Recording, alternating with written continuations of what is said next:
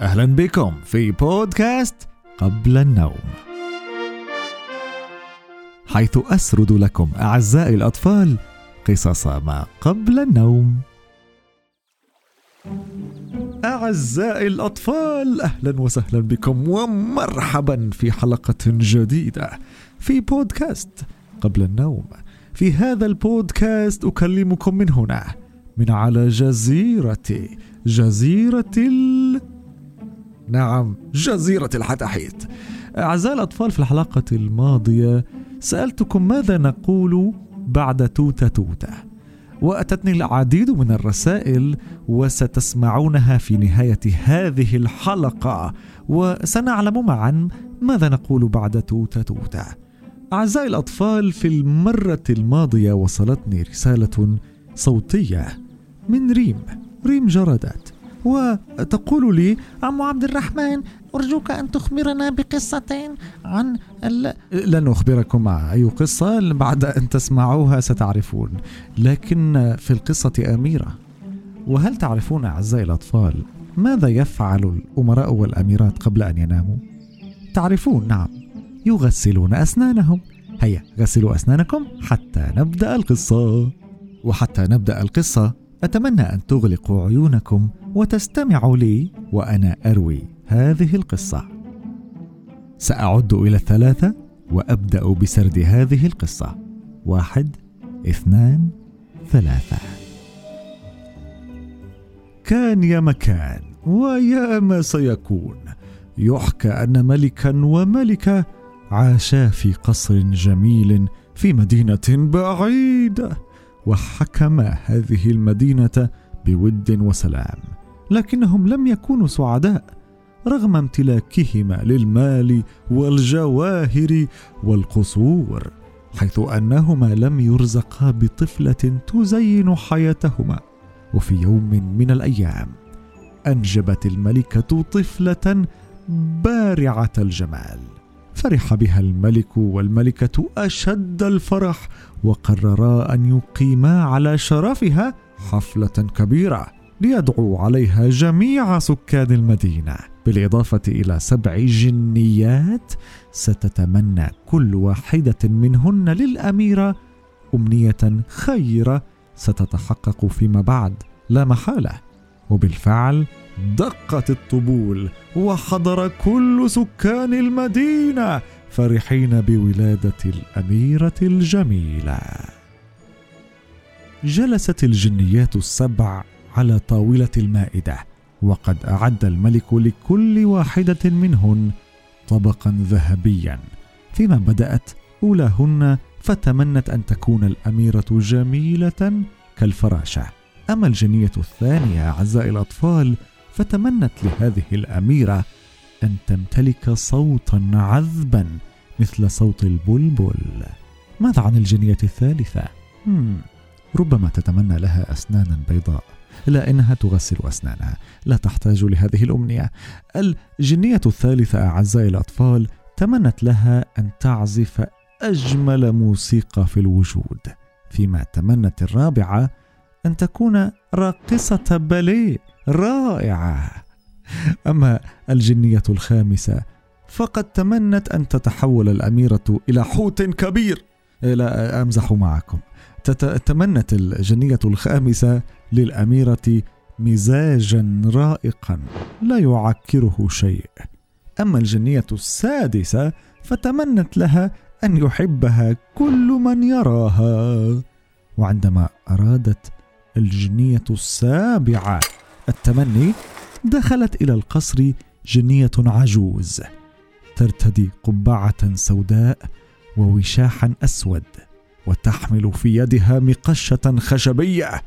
وقد كانت جنية غادرت المملكة منذ مئات السنين إلا أنها عادت غاضبة عندما علمت أن الملك لم يدعها للحفل.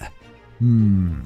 هذه الجنية كبيرة جدا بالعمر ونسي الملك أن يدعوها إلى الحفل فغضبت فأرادت الانتقام منه وتمنت موت الأميرة الجميلة في سن الخامسة عشرة.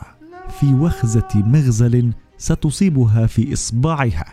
بهذا أعزائي الأطفال تكون هذه الجنية الكبيرة قد أخذت امنيه الجنية السابعة. وكما قلنا فهذه الأماني ستتحقق. صعق الجميع لأمنيتها الشريرة. وعم الحزن أرجاء القصر فأمنية الجنيات السبع والجنيه العجوز ستتحقق لا محالة. بكت الملكة على مصير ابنتها. لكن الجنية السابعة كانت لم تتمنى بعد وقررت أن أمنيتها ستكون إنقاذ الأميرة بأن تجعلها تنام مئة عام لا أن تموت. وهذا جل ما تستطيع فعله يعني أن هذه الجنية الصغيرة السابعة لا تستطيع أن تساعد أكثر من ذلك.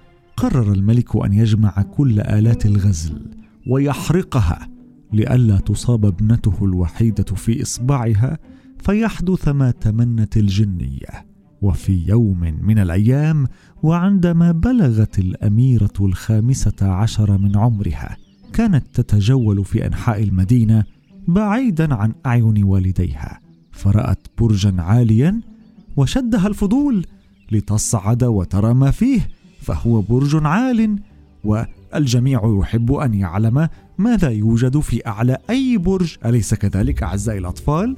حتى الأميرة أرادت ذلك وعندما وصلت إلى قمة البرج شاهدت امرأة عجوز تغزل الصوف على آلة لم تشاهدها من قبل فألقت عليها التحية وطلبت منها أن تعرفها على هذه الآلة وأن تسمح لها بتجربتها.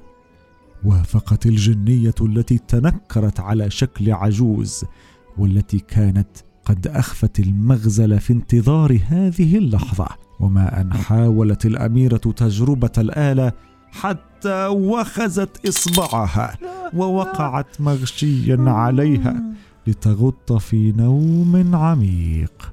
علم الملك والملكة بما جرى فبكوا طويلا إلا أنه لم يكن أمامهم خيار إلا أن يتركوا هذه الأميرة لترقد بسلام على سرير مزخرف بالذهب مئة عام فيما اقترحت الجنية الطيبة على الملك أن تضرب بعصاتها فيغط الملك والملكة وجميع من في القصر في نوم عميق أيضا حتى لا تفزع الأميرة عند استيقاظها ووجودها وحيدة.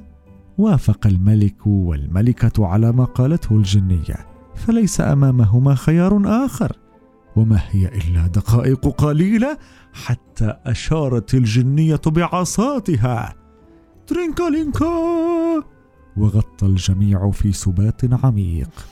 ثم قالت الجنية إذا استطاع أحد القدوم إلى هنا من مملكة أخرى وإيقاظ الاميره يمكن له أن يكسر التعويذه ويوقظ الجميع. ثم أشارت بعصاتها وقالت ترينكا لينكا! فأنبتت داخل القصر وحوله شجيرات عظيمة ومخيفة حتى تقوم بحمايته أثناء هذه المدة مرت الأيام. وكان هناك أمير من مملكة أخرى قد اعتاد على الابتعاد عن مملكته للصيد. وفي مرة من المرات شاهد الأمير هذا القصر فآثار فضوله وقرر الدخول إليه. بل واشتد إصراره على الدخول أكثر عندما أخبره مستشاره قصة الأميرة الموجودة داخل هذا القصر. وبالفعل أمسك الأمير سيفه وبدأ بقطع الأشجار المتسلقة حوله وبداخله رغم صعوبة ذلك حتى وصل داخل القصر ورأى ما توقفت عليه الحياة في هذا القصر من مشاهد غريبة. فرأى الحراس يقفون على الأبواب كألواح خشبية. ورأى الخدم يعدون الطعام في المطبخ وقد تجمدوا على هذه الحالة. يد على يد الفرن ويد تحمل الصحون لكنهم متجمدون. استمر الأمير بالسير حتى وصل الأميرة النائمة منذ أعوام عديدة. فنزل على ركبتيه ومسح على شعرها فاستيقظت مندهشة. ودبت الحياة في أنحاء القصر من جديد ففرح الملك والملكة بعودة الحياة كسابق عهدها. فشكر الأمير الشجاع وأقاما في هذه الليلة حفلا عظيما احتفالا باستيقاظ الاميره وعقد قرانها على الأمير الشجاع. أعزائي الأطفال أنا متأكد أنكم لو خرجتم خارج البيت لن تخرجوا دون أن تخبروا أهليكم وإن ذهبتم في رحلة فلن تذهبوا إلا بعد أن تستأذنوا البابا والماما. ولو رأيتم برجا لن تدخلوه إلا إذا كنتم مع الأم والآب. بالمناسبة أعزائي الأطفال ماذا تقولون لأهليكم؟ أنا أطلق على أبي بابا وأطلق على أمي ماما. ماذا عنكم؟ لقد سمعت أن هناك أسماء أخرى لكنني لا أعرفها.